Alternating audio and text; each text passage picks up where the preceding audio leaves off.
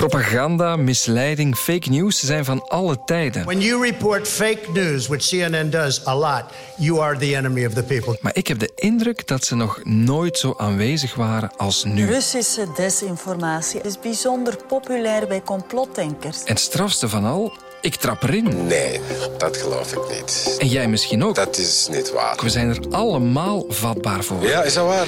Daarom vraag ik me af, waar kan ik duidelijkheid vinden? Hoe weet ik wat echt is en wat niet?